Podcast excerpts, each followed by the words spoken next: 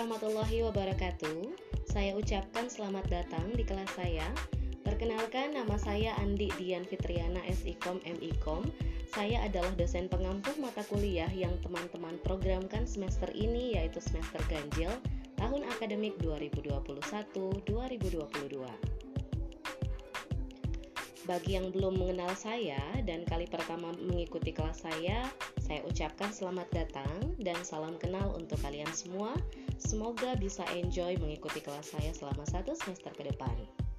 Dan bagi yang sudah pernah mengikuti kelas saya sebelumnya, saya ucapkan selamat datang kembali. Di kelas ini, saya yakin teman-teman sudah punya gambaran mengenai bagaimana aturan yang diterapkan di kelas saya khususnya terkait sistem dan aturan pembelajaran atau perkuliahan selama kita melaksanakan perkuliahan.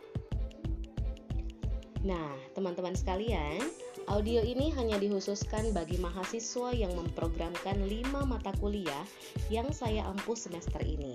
Ya, mata kuliah tersebut antara lain mata kuliah metode penelitian dakwah dan komunikasi kuantitatif untuk prodi KPI, mata kuliah pengantar metode penelitian untuk prodi MD, mata kuliah pengantar metode penelitian untuk prodi PMI, mata kuliah Teori Komunikasi Massa untuk Prodi JI, dan mata kuliah Produksi Siaran Berita dan Program Acara untuk Prodi KPI. Kalian boleh sambil mencatat apa saja kontrak perkuliahan yang akan kita jalani dan akan saya sampaikan uh, selama audio ini kontrak perkuliahan yang akan kita jalani selama satu semester ini tenang ini tidak akan ribet teman-teman. Asalkan teman-teman komitmen untuk menjalani kelas dengan cara tidak melanggar aturan ya. Ini adalah pertemuan pertama kita. Saya informasikan bahwa setiap mata kuliah ini memiliki total pertemuan masing-masing 16 kali. Rinciannya terdiri dari 14 kali pertemuan membahas materi penugasan ataupun praktikum ya satu pertemuan untuk mid test atau UTS dan satu pertemuan untuk UAS atau final test. Nah, karena kita masih dalam masa pandemi Covid, teman-teman, masih masa peralihan ya, di mana aktivitas sebenarnya masih dominan dilakukan di rumah, maka kuliah atau kelas kita akan terselenggara secara daring atau dengan menggunakan internet sebagai penunjang kegiatan belajar. Ini sebagai pengganti perkuliahan tatap muka yang biasanya kita lakukan di kelas. 16 kali pertemuan ini akan kita selenggarakan secara daring atau online, kecuali misalnya teman-teman bagi mahasiswa yang memang uh, dikenakan aturan untuk kita mengadakan sistem tatap muka selama uh, beberapa kali pertemuan ya. Namun bagi teman-teman sekalian yang masih melakukan uh, sistem daring, uh, otomatis perkuliahan kita harus terselenggara secara online dan kita uh, tetap melakukannya secara uh, apa namanya virtual. Bagi teman-teman yang masih menyelenggarakan uh, atau masih mengikuti perkuliahan daring, perkuliahan kita akan terselenggara secara uh, secara uh, virtual dengan menggunakan aplikasi seperti Adlink yang bisa teman-teman akses dengan cara mengetik adlink.id pada browser masing-masing dan juga menggunakan aplikasi WA Group ya WA Group atau WAG ini fungsinya untuk menerima informasi yang akan saya sampaikan baik itu dari saya pribadi, saya secara langsung ataupun melalui rombel masing-masing. Ya, makanya yang sebenarnya menjadi admin di grup uh, e, WA itu sebenarnya hanya saya dan ketua rombel saja. Ya. Jadi dalam rekaman audio ini saya akan jelaskan kontrak perkuliahan kita yang terdiri dari aturan kehadiran, aturan berpakaian, aturan penugasan, etika menghubungi dosen, dan juga bobot penilaian. Nah, kita masuk di aturan pertama yaitu mengenai aturan kehadiran. Sesuai dengan aturan kampus kita, kehadiran pada setiap perkuliahan minimal berjumlah 75%, yaitu kehadiran minimal 12 kali dari total 16 kali pertemuan. Ya, ingat teman-teman, 12 kali dari total 16 kali pertemuan. Ini minimal ya. Artinya, teman-teman mendapatkan dispensasi ketidakhadiran sebesar empat kali, ya. Tapi lebih bagus kalau memang 16 kalinya hadir terus ya, otomatis 100% kehadiran. Nah, jika lebih dari itu, artinya teman-teman mohon maaf, teman-teman tidak bisa mengikuti final dan nilainya tidak bisa saya input di siswo. Dan saya konsisten dengan aturan ini, ya. Setiap pertemuan ini dilengkapi dengan absensi dan mahasiswa yang dinyatakan hadir adalah mereka yang ikut mengisi absen atau berada di dalam kelas selama jam perkuliahan berlangsung. Bagi teman-teman yang tidak mengikuti kelas sesuai jadwal yang ditentukan, maka dinyatakan tidak hadir pada pertemuan hari itu. Kecuali bagi teman-teman yang memang berhalangan untuk hadir, bisa menginformasikan kepada saya selaku dosen pengampuh minimal satu jam sebelum jadwal perkuliahan kita berlangsung.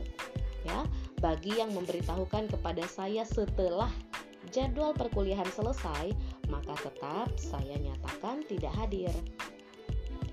Untuk setiap rombel, eh, setiap ketua rombel ini saya harapkan untuk menghubungi saya minimal satu jam sebelum jadwal kelas ya untuk mengingatkan uh, saya karena kadang saya suka lupa teman-teman kalau ada jadwal. Jadi harus diingatkan tolong banget saya untuk ketua rombel tolong diingatkan saya ya minimal sekitar satu jam sebelum kita memulai perkuliahan.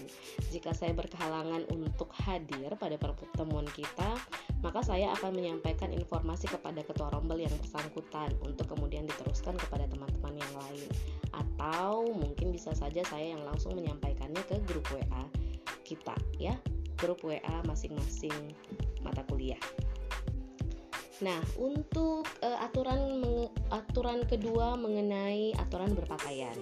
Nah, saat mengikuti perkuliahan offline ya tentunya kita sudah tahu aturan perkuliahan ya bahwa kita tidak boleh pakai kaos oblong, uh, harus menggunakan pakaian yang sopan ya sesuai dengan aturan kampus. Tetapi kalau untuk um, aturan berpakaian ketika kita melaksanakan kelas virtual yaitu teman-teman uh, saya harapkan untuk berpakaian rapi dan sopan ya tidak menggunakan kaos oblong juga untuk uh, wanita tolong tidak menggunakan mukena dan pakaian lainnya yang uh, mungkin kurang etis dan tidak cocok digunakan pada saat sedang mengikuti perkuliahan secara formal. Nah, hal ini berarti saat menggunakan aplikasi virtual meeting, maka teman-teman diharuskan untuk menghidupkan kamera masing-masing.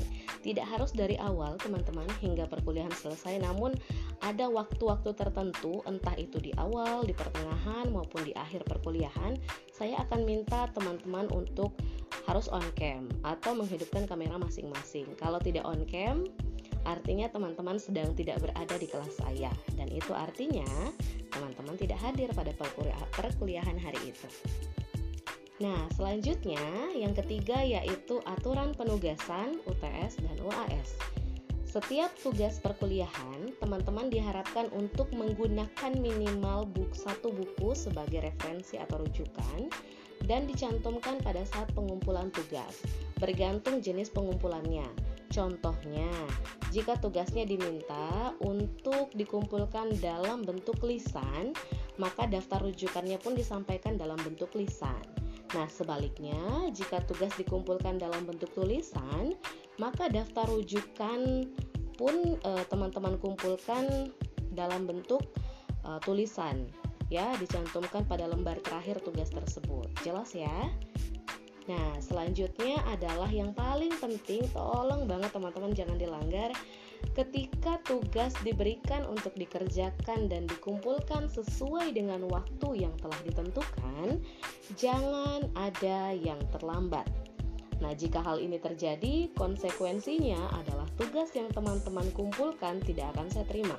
Ya, jadi tolong diperhatikan semua bentuk penugasan, baik itu tugas harian maupun tugas pengganti UTS dan UAS, harus dikumpulkan tepat waktu. Saya tidak menerima keterlambatan yang tidak terkonfirmasi. Teman-teman pun harus proaktif jika ada tugas yang bisa yang tidak bisa dikumpulkan. Jangan saya yang harus bertanya duluan, ini kenapa tidak dikumpulkan dan sebagainya. Teman-teman harus tunjukkan komitmen bahwa teman-teman memang serius mengikuti perkuliahan kita. Ya, Nah, ini ada pengecualian bagi teman-teman yang sebelumnya sudah memberitahu ke saya mengenai alasan keterlambatan dan saya menyetujui alasan teman-teman. Jadi jangan di akhir semester baru muncul dengan berbagai alasan klasik. Ibu saya nggak bisa uh, hadir karena jaringan. Ibu kuota saya nggak ada. Ibu perangkat saya nggak ada. Saya nggak punya handphone. Saya nggak punya ini. Saya tidak terima lagi alasan seperti itu di akhir perkuliahan. Ketika teman-teman muncul di akhir perkuliahan uh, kita atau misalnya di akhir-akhir perkuliahan di pertemuan ke-15 ke-16, saya harus dapat konfirmasi di uh, minimal ha, apa namanya satu jam sebelum perkuliahan kita dimulai. Setiap kali perkuliahan kita dimulai ya. Nah uh, aturan yang keempat mengenai aturan menghubungi dosen ya. Sebelum menghubungi dosen teman-teman sebaiknya perhatikan waktunya.